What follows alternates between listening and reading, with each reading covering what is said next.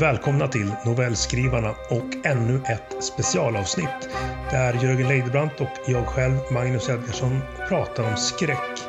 Edgar Allan Poe, John Ajvide Lindqvist och en hel del annat. Välkomna in till det här specialavsnittet.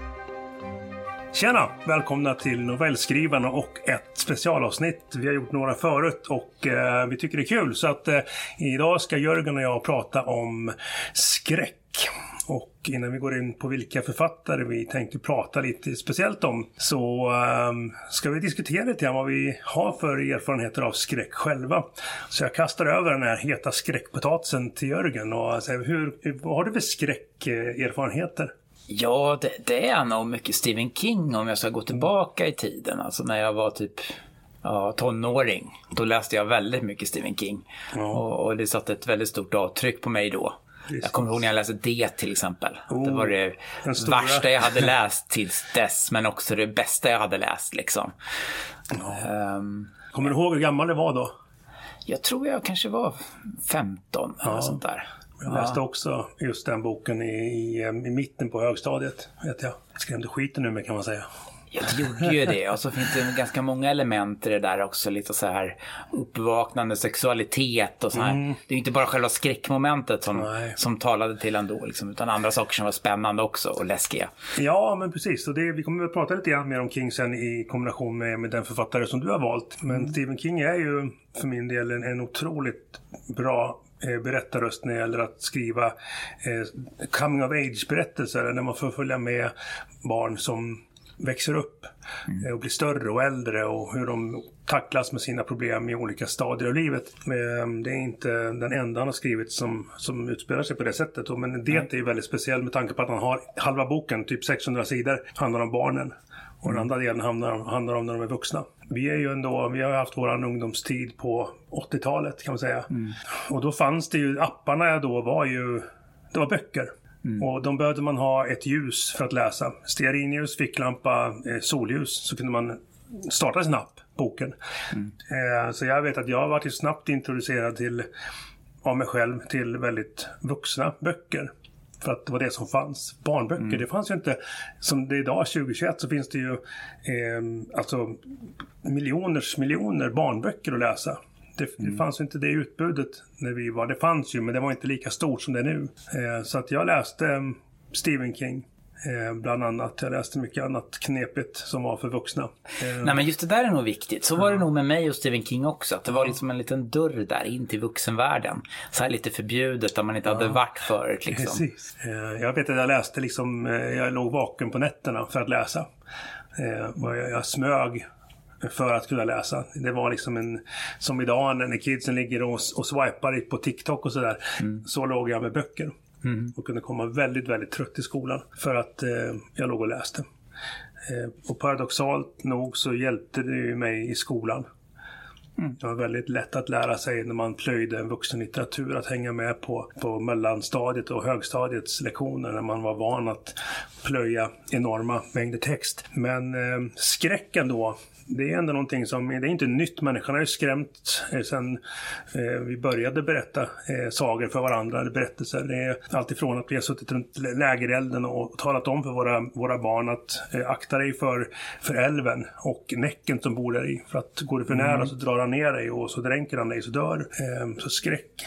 Eh, ja, och det ja. där är ju intressant. Vi knyter an lite till det sen med Jonna Lindqvist också, men eh, skräckens släktskap med, med väsen och mm. gamla myter och sådär.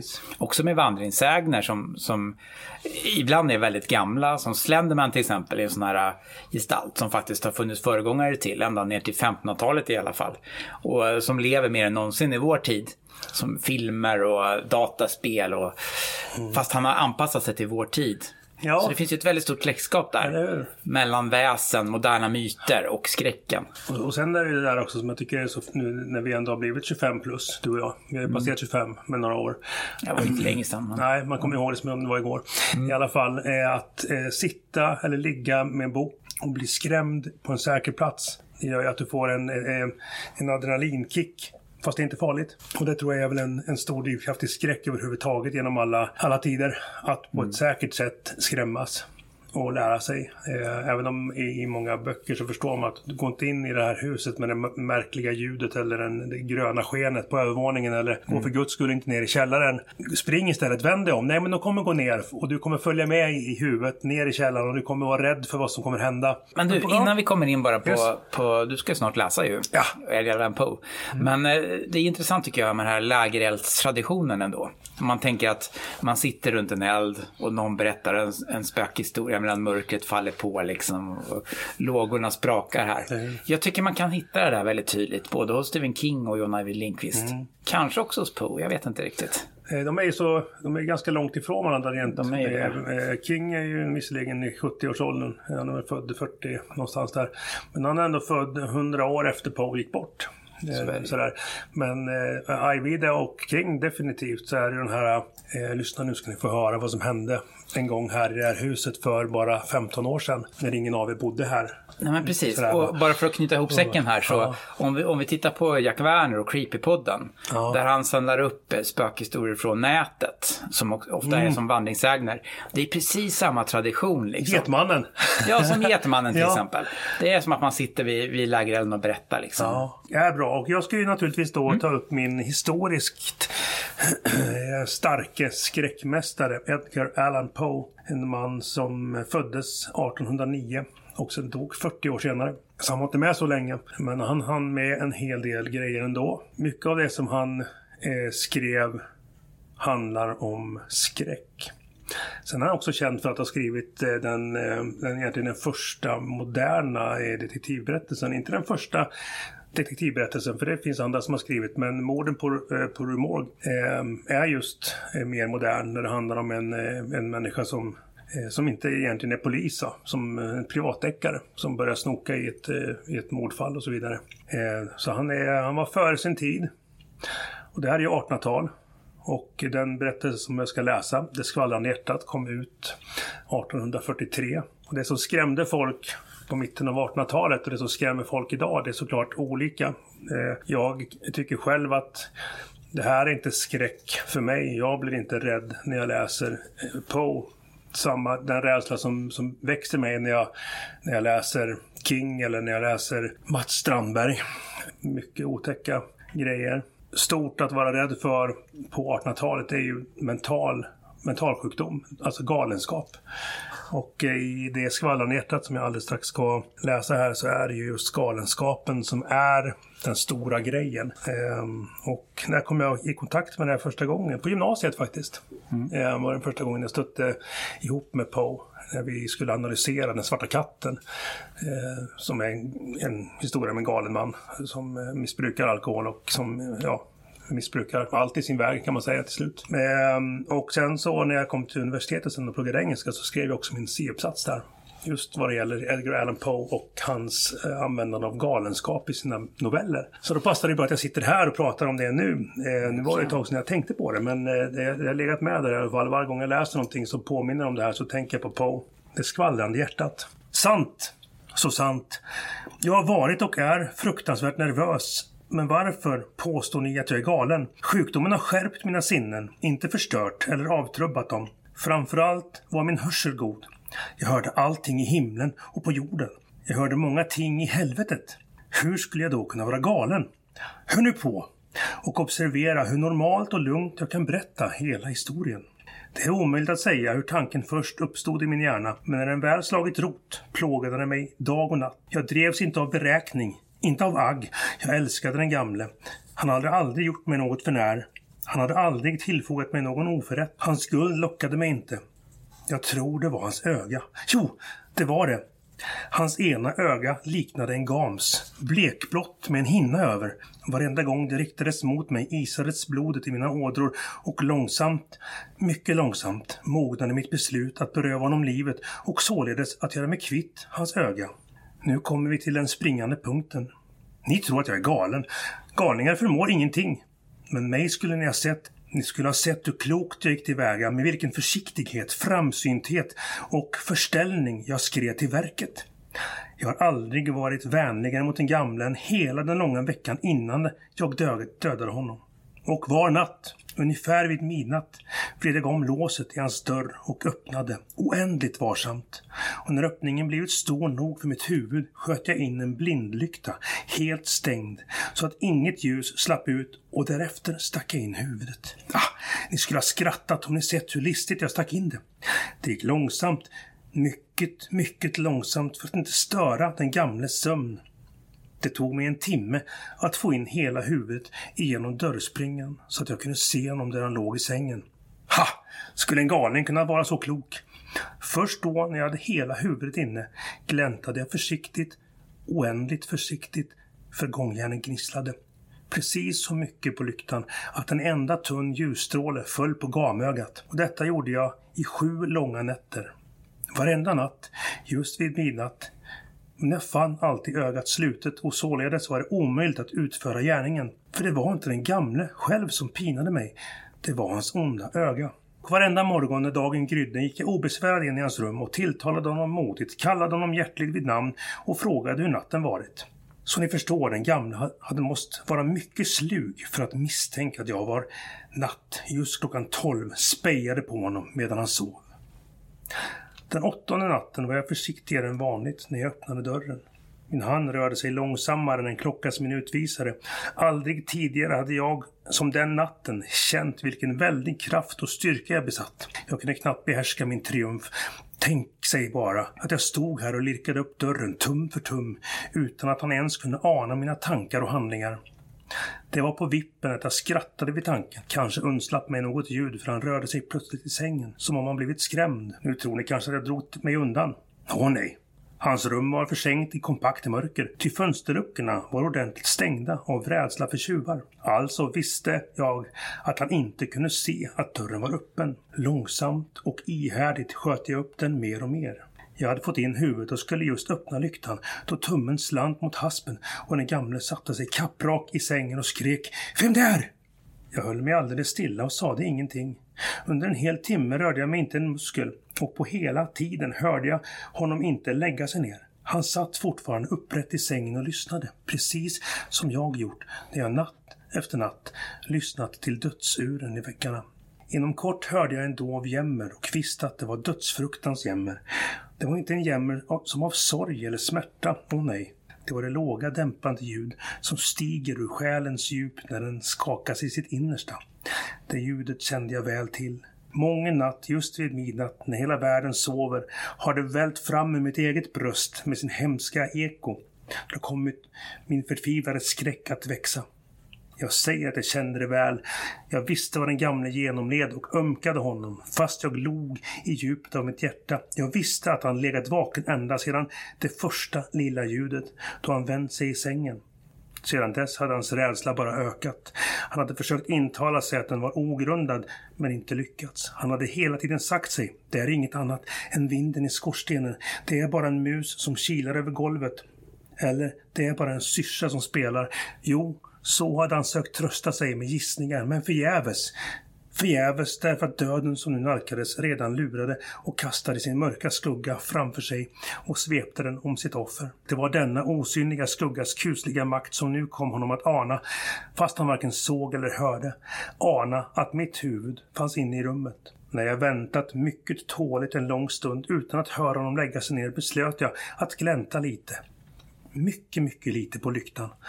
Så jag öppnade en smal springa, mycket förstulet, ni kan inte ana hur förstulet, till så småningom en enda dunkel stråle, tunn som en spindeltråd, sköt fram ur springan och träffade mitt i gamögat. Det var öppet, vidöppet och jag blev rasande när jag såg det. Jag urskilde alldeles klart och tydligt detta grumliga blå öga med sin vidriga hinna. Det isade mig ända in i märgen, men jag kunde inte se någon annan del av den gamles ansikte eller kropp för jag hade liksom av instinkt riktat strålen direkt mot denna förbannade punkt. Jag har ju redan sagt er att ni felaktigt uppfattar det som galenskap bara är en ovanlig sinnesskärpa. Och nu säger jag er att mina öron uppfångade ett dovt, svagt, rytmiskt ljud som från en klocka inslagen i bomull. Det ljudet kände jag också väl. Det var den gamles hjärtslag. Det ökade mitt raseri som trummans stunkande ökar soldatens mod. Men ändå behärskade jag mig och stod orörlig. Jag andades knappt. Jag höll lyktan stilla. Jag prövade hur stadigt jag kunde hålla strålen riktad mot ögat. Hela tiden ökade hjärtat sitt helvetiska tempo. Det slog snabbare och snabbare, högre och högre för var sekund. Den gamle måste ha känt en oerhörd skräck. Det slog högre och högre för var sekund, säger jag. Ni hör väl noga på. Jag har ju sagt att jag är nervös och det är jag också. Och då i den stilla natten, i det gamla husets kusliga tystnad, väckte detta underliga ljud en oresonlig skräck hos mig. Dock behärskade jag mig ännu några minuter och stod stilla. Men det bultade bara högre och högre och jag trodde att hjärtat skulle sprängas och nu greps jag av en ny ängslan. Ljudet kunde höras av någon granne. Den gamle stund var kommen. Med ett tjut öppnade jag lyktan och störtade in i rummet. Han skrek en gång. Bara en gång. Blixtsnabbt drog jag ner honom på golvet och välte den tunga sängen över honom. Jag log glatt när jag kommit så långt i mitt verk, men hjärtat slog dämpat många minuter. Det störde mig inte. Eh, det kunde i alla fall inte höras genom väggarna. Till sist upphörde det att slå. Jo, han var död. Stendöd. Jag la handen över hjärtat och höll den kvar nog många minuter. Det slog inte. Han var stendöd. Hans öga skulle aldrig besvära mig mera. Om ni fortfarande anser mig galen gör ni det säkert inte längre när ni fått höra hur klokt jag gick tillväga för att gömma liket. Natten led mot sitt slut och jag arbetade snabbt men tyst. Först och främst skilde jag extremiteterna från kroppen. Jag högg av huvudet, armarna och benen. Därefter lossade jag tre plankor i sängkammargolvet och la ner allt sammans mellan bjälkarna i trossbottnen. Sedan lade jag plankorna på plats så skickligt, så listigt att inget mänskligt öga, inte ens hans, skulle ha märkt något galet. Det fanns ingenting att tvätta bort. Inget spår av något slag. Inte minsta blodfläck. Det hade jag skickligt undvikit. När jag avslutat mitt arbete var klockan fyra och ännu var det mörkt som mitt i natten. Och just som klockan slog knackade det på porten. Lätt om hjärtat gick jag ner för att öppna, för vad hade jag nu att frukta? Tre herrar trädde in och presenterade sig förbindligt som poliskonstaplar. Grannarna hade under natten hört ett skrik, fattat misstanke om allt inte stod rätt till, anmält saken på polisstationen och konstaplarna hade sänts ut för att göra husundersökning. Jag log, för vad hade jag att frukta? Jag hälsade konstaplarna välkomna. Skriket kom från mig själv i drömmen, sade jag. Den gamla hade rest ut på landet, förklarade jag. Jag visade omkring de besökande i hela huset. Jag uppmanade dem att söka, söka noggrant. Till sist förde jag in dem till hans sängkammare. Jag visade dem hans orörda skatter i säkert förvar och med stor självsäkerhet hämtade jag stolar och inbjöd dem att vila efter sina mödor just i detta rum, medan jag själv, vild, järv och triumferande, placerade min stol just över den plats där offrets lik vilade. Konstaplarna var nöjda. Mitt sätt hade övertygat dem. Jag var fullkomligt obesvärad. De satt och pratade om vardagliga ting och jag svarade muntert. Men snart började jag bli blek och önskade att de ville gå sin väg. Jag fick huvudvärk och tyckte att det susade för öronen. Men de satt kvar och småpratade. Susningarna blev allt tydligare och tydligare. Jag pratade på ännu livligare för att komma ifrån obehaget, men det bara fortsatte och blev mer påträngande. Tills jag förstod att ljudet inte bara hördes i mina öron.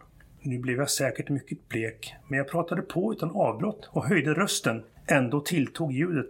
Vad skulle jag göra? Det var ett dovt, rytmiskt ljud som från en klocka inslagen i bomull.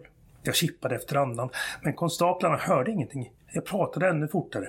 Ännu häftigare, men ljudet bara växte i styrka. Jag reste mig och orerade om struntsaker med hög röst och vilda gester, men ljudet bara växte i styrka.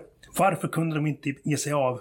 Jag vankade tungt av och an. Jag låtsades bli upprepad över en anmärkning de fällde, men ljudet blev bara starkare. O oh, gud, vad skulle jag ta mig till? Jag rasade, jag skrek, jag svor, jag svängde runt stolen jag suttit på så att den skrapade mot golvet. Men ljudet trängde igenom och det blev bara starkare hela tiden. Det blev högre och högre och högre. Men de bara log och fortsatte sitt vänliga småprat. Var det möjligt att de ingenting hörde? Allsmäktige Gud, nej, nej, de hörde, de misstänkte, de visste, de gjorde narr av min skräck. Så trodde jag då och så tror jag nu, men vad som helst var bättre än att plågas så.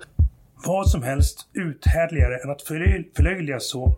Jag stod inte ut med dessa hycklande leenden längre. Jag kände att jag måste skrika eller dö. Och nu, nu hördes det igen. Högre, högre och högre. Skurkar! vrålade jag. Ni kan sluta låtsas. Jag erkänner. Bryt upp golvet. Här, här. Det är hans vidriga hjärta som bultar. Ja, bra läst. Uh, jag tänkte på en sak här. Uh, jag vet inte hur, hur uh, vanligt det här var innan Poe. Men det här med den opolitliga jag-berättaren brukar man ju prata om. Ja. som liksom är, i det här fallet helt övertygad om att han inte är galen och försöker också övertyga oss. Men vi genomskådar det här ganska tidigt. Ganska tidigt, ja. Kanske anser honom vara mer och mer galen. Ja. Men det var bara det, en, en, reflektion. Vet du det eller? Om, om, han var ganska ny med det greppet eller om det fanns tidigare? Oj. Eh, jag tror ju att eh, man tänker sig kanske... Eh, spontant kan man tänka på Don Quijote. Även mm, om han mm. kanske inte är... Eh, eh, ja, han är väl också galen på sitt sätt. Men jag vet inte riktigt. Um... Det hade nog funnits. Men jag tror att Poe slipade det liksom till mästerskap. För han är ju inne på det här flera gånger. Ja. Den här personen som sitter och berättar för oss. Försöker övertyga oss om att jag, jag är inte galen. Och Nej. sen äh, tycker man nog redan från början att du verkar lite galen. Och sen när man är klart, liksom, du är ju spritt språngande ja, han är psykopatgalen. Han är, han är sinnessjuk till, till, ja. till, till, alla möjliga gränsers eh, dragning. Liksom så. Nej, jag tycker att det eh, någonting som är intressant med när du läser den tyst för dig själv, då får den inte alls eh, tyngd som du får när du, när du läser den högt, oavsett om du läser för någon eller om du läser den högt själv. Och det kan, kan jag nästan tänka att det är inte så långt undan att det är den muntliga traditionen som är förhärskande i litteraturen. För det här är ändå 1800-tal. Mm. Man har inte tryckt, man har visserligen tryckt en, en hel del sedan eh, boktryckarkonsten kommer igång på 1500-talets början, typ 1400-talet mm. också. Eh, men det är fortfarande inte så att var person har en bok hemma och kan läsa, utan det är fortfarande förbehållet en mer välmående medel och överklass som läser. Mm. Man har inte tid. man spiller inte olje, olje det, lampolja för att läsa. Man mm. tänder det för att ja, det är mer nytta liksom. Men att eh, det blir mer det känns mer muntligt. Ja, så kan det nog vara. Kan, jag, kan jag tycka just att för, för att på något sätt när, när det eskalerar. Han är ju lugn och sansad i berättelsen ända mm. fram tills det märks att hans vansinne kliver in och tar över när han börjar mm. berätta om ögat. Och det, det, sker ju ganska tidigt. Och när det sker i, i den här korta novellen, när han introducerar ögat, mm. Där tappar han ju bort sig. Fram till mm. dess, de första sidorna eller så, så är, är han ju normal. Ish. Men sen så spårar det och då går ju hans egen uppfattning, uppfattning om vad som inte är galet och den gängse uppfattningen om vad som är galet, de går precis åt två olika håll där man förstår mer och mer att den här, han är ju fullständigt knäpp. Den här karln är ju galen. Eh, han ska döda en gubbe för att han har då ett eh, ett skadat öga. Eh, någon typ av starr eller liknande. Någon person som man faktiskt tycker ganska bra om i vaket tillstånd. Ja, också. det är ögat. Eh, ja. såklart. Men just hur han då i slutet av berättelsen eh, bevisar sin, sin galenskap, hur han är sinnessjuk. Inte bara att han är, han är inte en, en eh, han är inte en skurk i modern tappning utan han är ju en, en, en, en galen människa.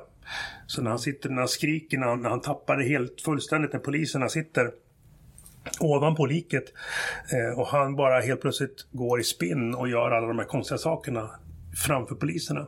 Där, det blir liksom, där blir det då blir man nästan lite kallsvettig för att man förstår att han har ju bränt sig nu. De vet ju att ja. det, kommer, det kommer skita sig för honom. Liksom. Det... Men just det här så finns det ju en psykologisk skärpa skulle jag vilja säga. Det är ju väldigt skickligt beskrivet av Poe här. Och, och, han lämnar det ju också faktiskt öppet. Det skulle ju kunna vara så att det finns ett övernaturligt element där. En första man tänker är kanske att allting händer i den här personens huvud och det är hans undertryckta skuld på något sätt som, som får det här hjärtat att, att låta. Men det skulle ju faktiskt också kunna vara någonting eh, som faktiskt låter, men bara mm. i hans huvud. Någon sorts hämnd från den här gamla mannen liksom på andra sidan döden. Och det är kul att du säger det, för att det är lite grann det han flörtar lite grann med Poe i det här. Att han, han mixar lite grann för att eh, i Svarta katten, utan att gå igenom hela den historien, så murar han ju in den, eh, huvudpersonen mördar sin hustru, murar in henne i källaren.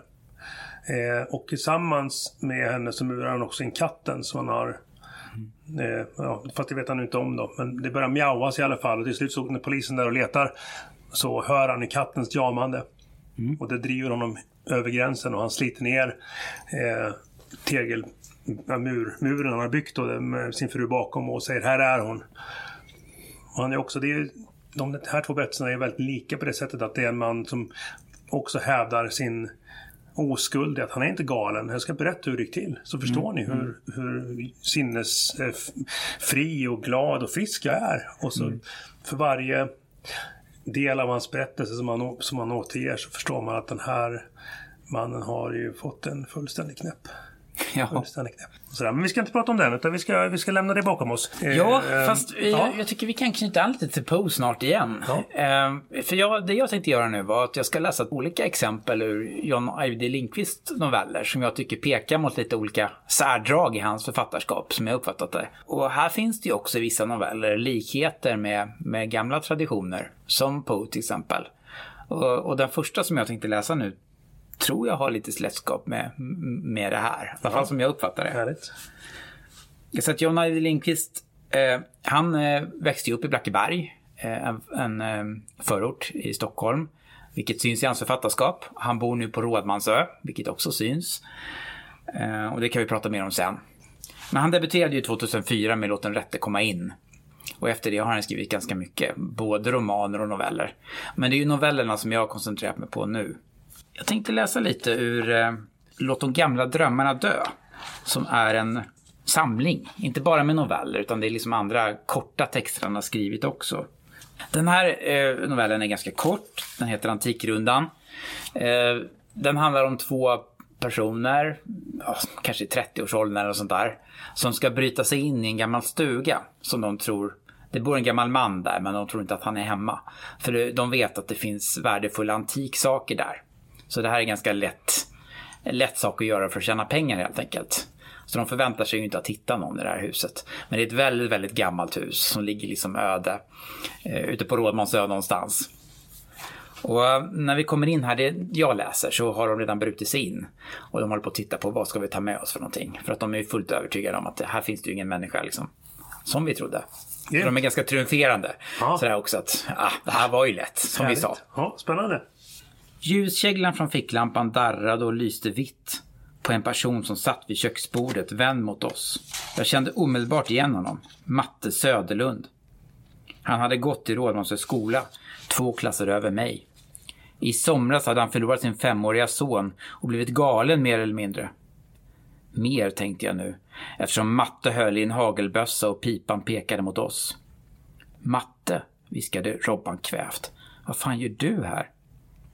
Matte svarade inte, men utan att flytta geväret vred han på huvudet och tittade tvärs över bordet. Robban riktade ficklampan ditåt och jag hann se en kort glimt av vad som fanns där innan Robban flämtade till och tappade lampan. Den slocknade inte utan rullade iväg över golvet mot Mattes fötter. Han plockade upp den och lyste på oss. När han såg vilka vi var nickade han bara kort. Som om det var vad han hade väntat sig hela tiden, att vi skulle komma. Kom in, sa han. Man argumenterar inte gärna med en person som håller i en hagelbössa. Speciellt inte när han ser ut i ögonen som Matte gjorde. Men jag hade ju sett gubben som satt på andra sidan bordet och något var grymt fel. Armarna som var utsträckta över bordsskivan, huvudet som låg lutat mot kanten. Så sitter man inte. Och jag vill inte ha med det här att göra, vad det än rörde sig om. Kom in, sa Matte och höjde hagelbössan. Robban tog ett par steg in i köket och jag följde efter. Det var inte annat att göra. Robban slickade så läpparna. Matte, vad, vad håller du på med? Mattes mungipor drogs upp en aning och han riktade ficklampan mot gubben som satt i sin onaturliga ställning. De smala gammelmanshänderna låg korslagda över varandra mitt på bordet och en jättelik rund leverfläck syntes på den översta. Nej, nej, det är inte... Leverfläcken reflekterade ljuset från ficklampan. Och det var ingen leverfläck. Det var ett stort spikhuvud. En bryggspik var slagen genom gubbens händer ner i bordsskivan. Slägghammaren som används låg intill hans armbåge. Ett slemmigt djur res ett halvt varv i min mage och steg uppåt men sjönk tillbaka igen. Jag blev kall, stel. Matte hade tagit sig in här, hotat gubben med hagelbössan och sedan spikat fast hans händer i den målade ekskivan. Han var inte bara galen. Han var någonting det saknas uttryck för. Orden som kom ut ur min mun var barnsliga. Men i vissa lägen finns det inga andra. Varför? Varför gör du så här? Matte lusade sig bakåt och nickade mot gubben. Han ska ingenstans i natt. Gubben hade inte rört sig tum sedan vi kom in och vi hade utgått från att han hade dött av chocken när spiken slogs in. Nu sträckte Matte bösspipan över bordet och petade till honom i pannan. Visa dig. Gubben lyfte sakta på huvudet och det slemmiga djuret spratt till i min mage. Om jag kom ihåg hans ansikte som uråldrigt hade det åldrats ytterligare ett antal omöjliga år den här kvällen. Den slappa ansiktshuden såg ut att vara på väg att falla av som en dåligt limmad tapet. Ansiktets ben avtecknade sig tydligt i det vassa ljuset och ögonen som vändes mot oss var vita, blinda. En slinga smutsgrått hår fastnade i en spricka i bordet när huvudet lyftes och en bit av svålen drogs loss med ett ljud som när man trampar på en groda. Matte slog till gubbens gässa med bösspipan och huvudet föll ner på bordet igen. Han tog min pojke. Han åt min pojke. Jag har väntat på den här kvällen. Vi vill inte stanna och lyssna på Mattes vansinnigheter. Men han tillåt oss inte att gå. Mm. Det var en scen ur Antikrundan. Ja, men det är någonstans så, så, känns det som att galenskapen finns där som ett skimmer. Att det är någon som, som gör någonting som inte liksom, jag har inte rätt proportioner för att vara ett, ett rimligt en rimlighet. Utan galenskapen driver saker till sin spets. Ja, deras första intryck är ju att den här matte det är ju fyra personer i det här huset, mm. två som de inte trodde fanns där. Men att den här Matte har förlorat sin son nyligen och att han liksom har löpt amok liksom i sitt huvud, blivit helt galen och mördat en gammal oskyldig gubbe. Mm. Sen så blir det ju en vändning här mot slutet att den här gubben är inte särskilt oskyldig Nej. och inte heller mänsklig. Right. Men jag tycker galenskapen finns där. Ja. Och så den här, det här ödehuset. Eh, Klassiska inslag. Ja, eller hur? Ja. Klassiska skräckinslag som, ja. som visar sig dölja liksom, hemligheter. Ja, men det som, jag, det som jag tycker är, med, är någonting som är väldigt, väldigt tydligt med gammal skräck och eh, åtminstone liksom riktigt gammal, när man närmar sig slutet på 1800-talet och så vidare, så, så händer det någonting med hur man berättar historier. Men, eh, kan jag tycka. Och det är att det är väldigt lite detaljer kring Poes personer. Mm. Eh, får inte veta vad de heter, får inte veta e- exakt var de befinner sig. Det är ett väldigt stängt eh, Nej, det är sant. Också den du läste, inte hur han ser ut. Och... Nej, man vet att gubben är gammal, han har, han har, ett, eh, han har ett öga som är, är ljus, ljusblått med, med liksom någon typ av ögonsjukdom i som man förstår. Men i övrigt vet man inte vad gubben heter, man vet inte hur, hur gammal, man vet ingenting. Det är fullkomligt identitetslöst och det är samma med den svarta katten och det, det är i många fall väldigt identitetslöst. Ehm, och det finns väl ett grepp i det att då blir, då blir den mer här som Getmannen, att det blir mer allmänt. Skulle kunna vara vem som helst, var, var som helst. Medan vi är här... inne i ett inre kaos också, eller ja. inne i någons eh, sjuka hjärna. Ja. Vilket blir väldigt skrämmande hos Poe tycker jag. Ja, och det är, väl ja. det, det är väl det som är skrämmande där och då. Att det, är ur en, det kommer ur en sjuk persons huvud. Det är berättat från ett, ett starkt första personsperspektiv. Som inte ger någon typ av Eh, extra information. Utan den är väldigt, Nej. väldigt begränsad. Eh, sen är den väldigt, väldigt kort såklart. Så det gör ju också att det inte finns så mycket plats för. Och vad är syftet med ett namn i en sån berättelse kan man tänka, inte speciellt. I Ajvides eh, Antikrundan så så är det en modern berättelse där vi får mm. veta mer vad, vad folk heter. Ja, men en väldigt detaljerat eh, en detaljerad blick. Han ser väldigt mycket saker. Han upptäcker släggan, han upptäcker vad det är för typ av spik, han upptäcker ja, eh, bordet. Nästan lite för mycket som han liksom ser. Ja, Men det är en helt annan typ av jagberättare ja, om man nu ska jämföra de här två på det sättet. det här är ju en mer pålitlig jagberättare ändå. Ja, precis. Man tror inte att berättaren i det här är galen. Galenskapen ligger någon annanstans. Så. Man skulle kunna tänka sig om Poe skulle skrivit den här. Det kanske skulle varit genom Mattes perspektiv. Mm. Men då att den här gubben kanske inte hade förtjänat eller inte var en demon, utan att det här skedde i Mattes huvud alltihop. Mm. Och han slog i de här jävla bryggspikarna och, mm. ja, och satt där med hagelbössan. För att det var inte, det var demoner och sånt där var ju inte på tapeten eh, i den tidiga skräcken. För att det var inte det som var läskigt. Det var läskiga var, var att bryta mot, mot, mot religion, att, att gå emot eh, sitt öde. Den gamla klassiska grekiska skräcken att, att trotsa gudarna. Det har man ju gått ifrån. Frankenstein är ett tydligt exempel på det. Mm. Också författades någonstans runt omkring Edgar Allan Poes tid. Eh, 1800-talets första hälft. Mm. Eh, där det är, det är inte Visst, monstret i sig är ju läskigt och han är rätt otäck när han väl väcks till liv och Victor Frankenstein får möta sitt, sin skapelse man är tidigt i morgon. mm. och blir vettskrämd såklart. Eh, men skräcken ligger ju i att, att begå hybrisbrottet. Att sätta sig som skapare av liv och trotsa Gud. Mm. Den stora, det, det, är ju inget skrämmande för en sekulariserad människa 2021 utan där behöver man ju vara lite mer andra saker som skrämmer. Det är sant. Ja.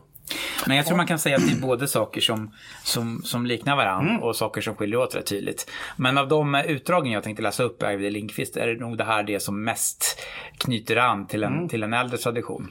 Grymt, men då kan vi ta en, eh, en till då. Ja, jag tänkte läsa lite ur, ur eh, novellen Gräns. Mm. Och sen så kan vi prata lite om John Ajvide Lindqvist och Stephen King också. Mm. Som har en hel del likheter. Säkert några skillnader också. Men, eh, Gräns har ju också blivit film rätt nyligen. Eh, och det är en väldigt spännande story. Där, där, vi pratade lite om det här med väsen förut. Och, och eh, moderna myter och det här. Skogen. eh, och, och, det här är ett väldigt modernt grepp tycker jag. På, på, på, på det här med, med, med nordisk mytologi kanske man kan säga. Hon som är, har huvudrollen i den här berättelsen, hon heter Tina. Eh, och hon är en ganska normal människa i början av berättelsen. Det är hon egentligen hela tiden. Men man förstår att det är någonting hon bär på. Dels har hon ett ganska vanställt utseende som gör att folk reagerar på henne. Hon ser inte ut som, som liksom andra. Och ju längre in man kommer i berättelsen förstår man också att det är någonting här som, som liksom skiljer henne från andra människor. Och så träffar hon någon som ser ut ungefär som henne.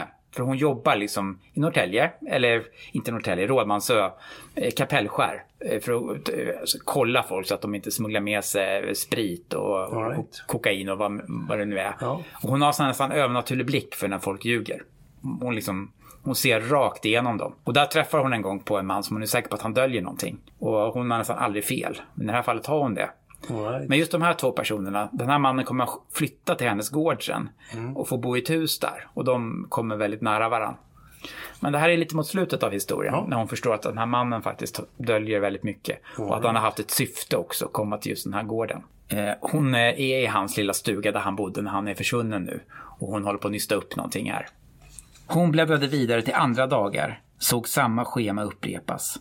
Hon stängde anteckningsboken, gned sig i ögonen och såg ut genom fönstret. Det hon såg fick hennes hjärta att flimra till. Nej! Hon tog upp bunten med fotografier, tittade på dem ett efter ett. Först var hon övertygad om att det var hans hisit, men på, ett, på senare fotografier var det en kvinnas händer som höll i den. Och på det sista fotot i bunten var kvinnan med i bild. Elisabeth. Hon stod i Tinas kök och höll sitt barn med ett strålande, lite ansträngt leende. Barnet var identiskt likt det barn som legat på frottéhanddukar i en kartong. Barnet som inte var något barn, som var en hisit, som var formbar, som gick att göra till en avbild av vad som helst, bara man hade något att gå efter, en förlaga, som fotografier. Tina tittade ut genom fönstret igen, såg grannarnas hus. Lillstugan var den perfekta utsiktsplatsen om man ville spionera. Om man hade en kikare, förde anteckningar över grannarnas rörelser. Varför har du den? Vet du inte det? Jo, nu visste hon. Plötsligt kastade hon huvudet bakåt och skrattade. Ett grovt hemskt skratt, sprunget från samma urkälla som vrede, som tårar. Hon skrattade, hon skrek. Allt var ju så självklart, så enkelt. Det enda som hindrat henne från att se det var att det legat mitt framför näsan på henne. Hon slog med handflatan mot sitt huvud. Idiot, skrek hon. Idiot! Det vet ju varenda människa vad, vad vi gör för något. Hon skrattade igen, flämtade. Vi byter bort barnen. Vi tar deras barn och lägger dit våra egna. Hon ville inte, men hon var tvungen. Det stod en främmande bil på grannarnas tomt. En mörkblå Volvo 740 med samma olycksbådande auktoritet som en polisbil, en likbil. Hon knackade på ytterdörren. När ingen kom och öppnade gläntade de på den och ropade ”Hallå!” inåt hallen. Elisabeth visade sig i dörröppningen till vardagsrummet. Hon såg själv ut som en hisit. Hennes ansikte var gråblankt, kroppen liksom själlös, tung. Vad har hänt? frågade Tina. Elisabeth gjorde en vag rörelse med huvudet inåt rummet och försvann ur dörröppningen. Tina gick in, tog av sig skorna. Hon gick över trasmattan på känsliga fötter. Hon var en levande lögn. Hon var en folkspillra. Hon var en förrädare. Allt detta hade hon blivit på några timmar. Göran satt i soffan, pratade lågmält med en man som förmodligen var läkare. Elisabeth satt i en fåtölj och tittade ut i tomma luften. Intill henne stod spjälsängen. Hennes ena hand höll lätt om en av dess spjälor. Tina gick fram till sängen. Barnet låg där naket, utan filt eller blöja. Troligen hade läkaren just undersökt det. Nu när det låg i ett barns naturliga miljö såg Tina hur icke-levande det var. Det var en isit. Dess hud var vaxartad, såg varken mjuk eller varm ut och saknade ett barns strömmande blod. Ansiktet var orörligt stängt. Bara läpparna rörde sig en aning, ögonlocken lyckligtvis slutna. Hon undrade om Elisabeth hade sett de vita ögonen. Förmodligen hade hon det. Jag, sa Elisabeth med död röst. Jag gick bara och hämtade posten uppe vid lådorna. När jag kom hem. Hon gjorde en kraftlös rörelse mot barnet. Tina gick runt till andra sidan av spjälsängen och gick ner på huk. Barnet låg på sidan. Trots att ljuset i rummet var dämpat som om det rörde sig om en likvaka såg hon tydligt det lilla bihanget som börjat växa ut vid ryggslutet. Svansen. Vore hade inte sagt något om det. Men Tina hade en känsla som läkarens tillkämpat neutrala ansiktsuttryck bekräftade. En hisit levde inte länge. Inte länge nog att tvingas växa upp i människornas värld. Människorna som inte trodde på troll.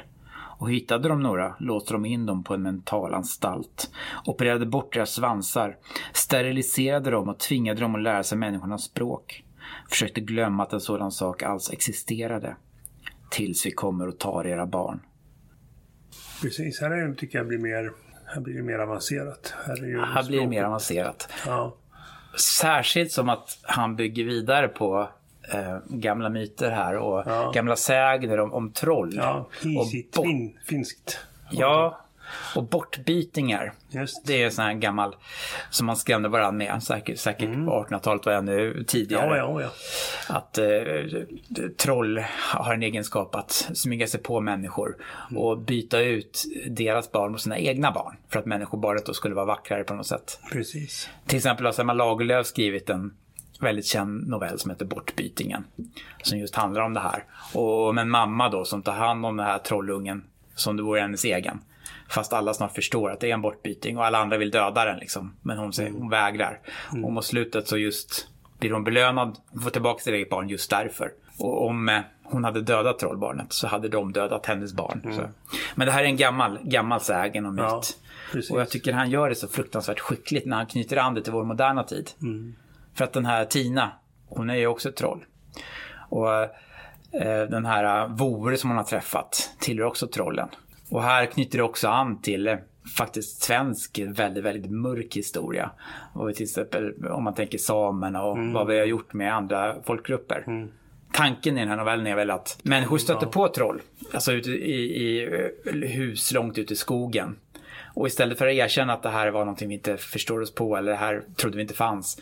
Så beslagtar de föräldrarna, spärrar in dem på mentalsjukhus, opererar bort svansen på ungarna mm. och integrerar dem i det svenska samhället. Ja, finns och här står det liksom tillbaka. Eh, Spännande. Ja. Men, det, men det, det, är ju naturligtvis en, en de absolut största skillnaderna tycker jag med gammal, eh, gammal litteratur och gammal berättarteknik och modern berättarteknik. Att det är så mycket mer avancerat idag. Mm. Eh, och inte för den sakens skull bättre än det har varit, men annorlunda. Att det blir, vi får så mycket det är, så, det är så mycket med situationsdrivet, det är så mycket som händer, det är så många detaljer vi får.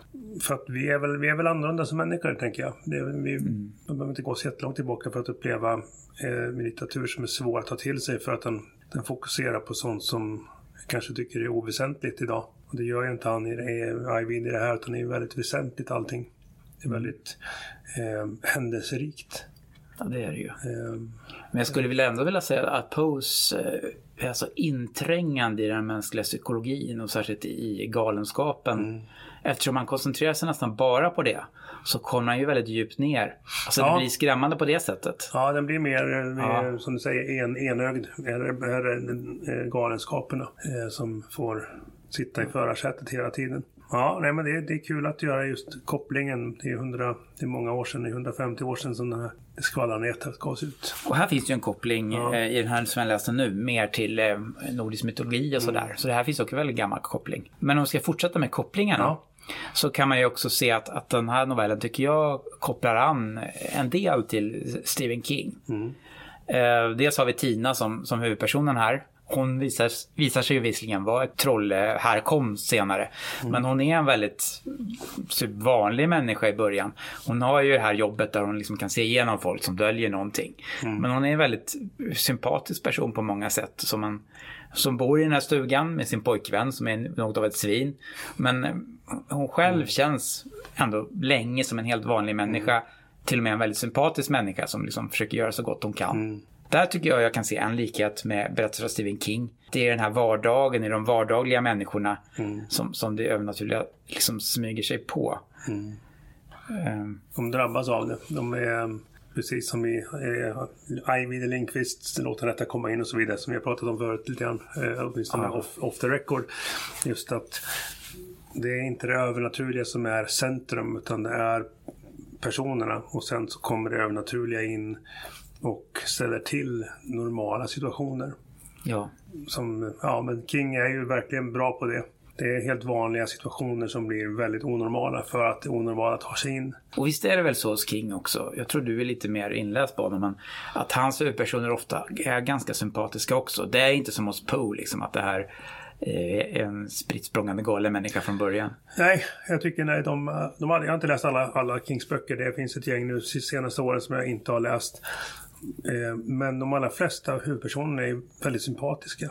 Mm. För att, och det är en sån här klassiker. Jag måste känna, eh, jag måste känna för och känna med ja. mina mm. huvudpersoner för att drivas in i, i berättelserna. Och sen är ju Stephen King väldigt, väldigt kär i att döda sina huvudpersoner. Så man får vara lite hårdhudad. Ja. När man läser hans berättelser. För de, de är, inte, är, är de fler än tre då kommer någon av dem stryka med. Ungefär så. Men nej, men nej, han är, det, det finns väl um, det finns väl varianter och sådana har skrivit så mycket så det finns ju där en del huvudpersoner kanske inte alls är speciellt eh, nej, nej, inte trevliga. Alls. Men många upplever så. Men du sa en väldigt viktig sak där som jag tror är ett grepp som de använder väldigt medvetet. Att eh, ta in en sympatisk person som man liksom känner med och till exempel det här skulle nästan kunna vara min granne eller min kompis mm, och sådär. Precis. Och sen råkar de ut för det här liksom hemska övernaturliga. Mm. Och det är klart att man känner extra mycket med dem då. Ja. Och jag tror både hos King och Ivy Lindqvist kan de här personerna sen välja en annan väg som inte är lika sympatisk efter att de har råkat ut för det här. Faktiskt är det lite så med Tina här också. Mm. Ska inte avslöja vad men Nej. hon blir en liten annan person underförstått när ja. man har läst klart slutet. Nej, men det är...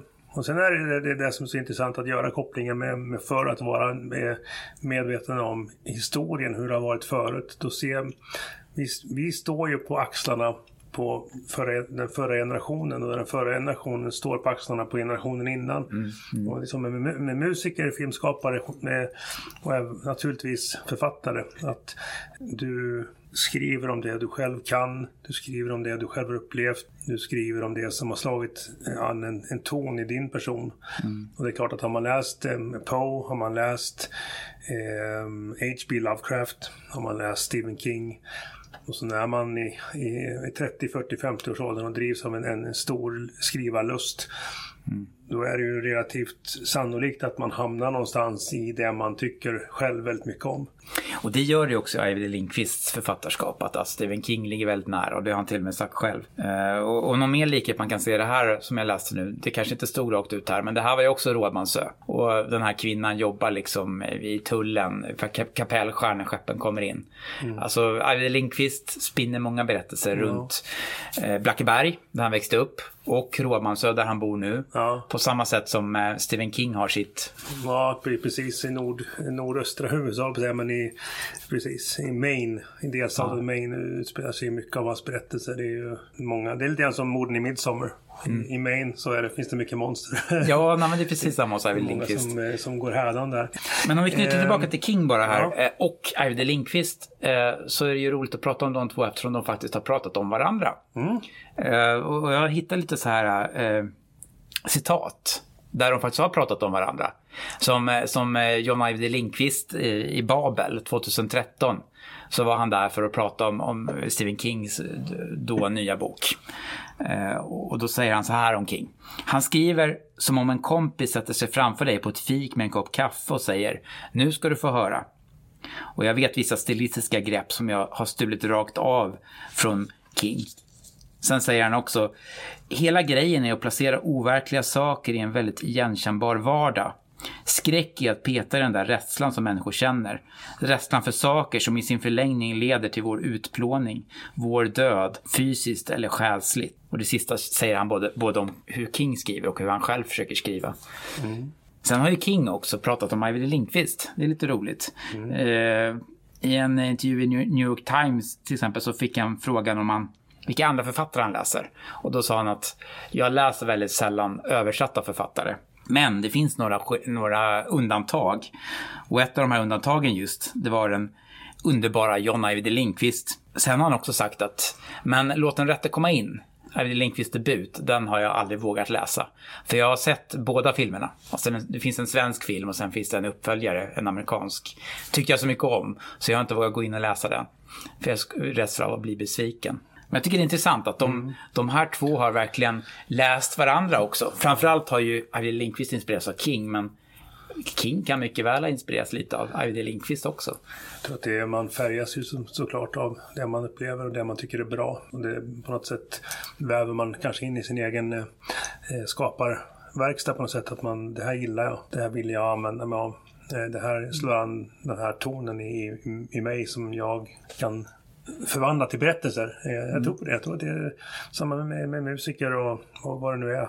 Eh, eller vilken kategori människa du tänker på. Liksom som en, om två bibliotekarier träffas, en som är äldre och en som är yngre, så kommer man att på något sätt kanske om tycke uppstår befrukta varandras eh, sätt att tänka på. Hur mm. man gör liksom. Och det, det är väl naturligt att vi, vi vill på något sätt utvecklas och vi vill träffa på sånt som vi, som vi gillar liksom. Oavsett vad det är. Men eh, jag tänker så här, för att knyta ihop den berömda säcken. Eh, så eh, skräck, jag läser det hellre. Jag tycker inte om att se på film. Jag vill hellre skapa min egen, min egen bild. Jag vill drivas tillbaka till sidorna och den senaste skräckromanen jag läste, har läst är ju faktiskt återigen Mats Strandbergs Konferensen som är en eh, det finns inget monster i, i den i övernaturlig bemärkelse utan det det, det är, skräcken är mer eh, lite grann som åt Scream-hållet. Att det är någon som faktiskt eh, den on ondskan bor i en vanlig människa. Och det kan man knyta tillbaka till på om man vill. Nej men som sagt var, fy fasiken vad kul det har varit att prata skräck hörru. Vi kunde sitta hela natten Ja, ja. Men nu ska jag på bio. Jag måste dra. Men eh, jag tyckte ja. det var skitkul. Och eh, jag tänker att vi... Jag, jag, personligen känner inte att skräcktemat eh, fasas ut än. Utan jag skulle vilja faktiskt lova att vi ska prata om en annan figur i ett annat specialavsnitt framöver. Och det är H.P. Lovecraft. Mm. Som jag sa att jag inte känner till eh, så mycket skräck från 1900-talets första hälft. Vilket är en osanning. För att H.P. Lovecraft skrev ju under 1900-talets första hälft. Och hans skräck är något helt annat. Eh, som jag tycker att gillar man skräck, eh, både film och att läsa och jag har missat att läsa H.P. Lovecrafts grejer. Då kan man göra det för att bredda sin, sin bas. Här har vi en som ja. har missat. Ja, ja. Han tar, han tar eh, vansinnet och eh, det övernaturliga till helt nya bredder. Och, och det, um, det kan vara svårläst. Det är lite grann som, som Dostojevskijs Raskolnikov-perspektiv. Stentajt berättat ur ett perspektiv. Eh, med långa, långa inre monologer. Så att, och det, nej, men den är väldigt speciell. Så att, eh, det skulle vara kul att prata om. Vi får ta en tvåa helt enkelt. Jag tycker det. Vi tar, mm. vi tar en tvåa. Skräck två. Skräck två. Men eh, mm. Nu eh, stänger vi butiken för den här gången och eh, tackar alla er som har lyssnat. Mm, ja, tack. Vi hörs igen. Ha det gött! Ja, ha det bra. Hej! Hej då! Du har lyssnat på ett specialavsnitt av och med novellskrivarna om skräck. Det var Jörgen Leidebrant och jag själv, Magnus Edgarsson, som stod för snacket. Jag hoppas att du har lyssnat och hittat något intressant. Och eh, vi rekommenderar att ni läser skräck. Det är riktigt bra. Vi hörs snart igen. Ha det bra!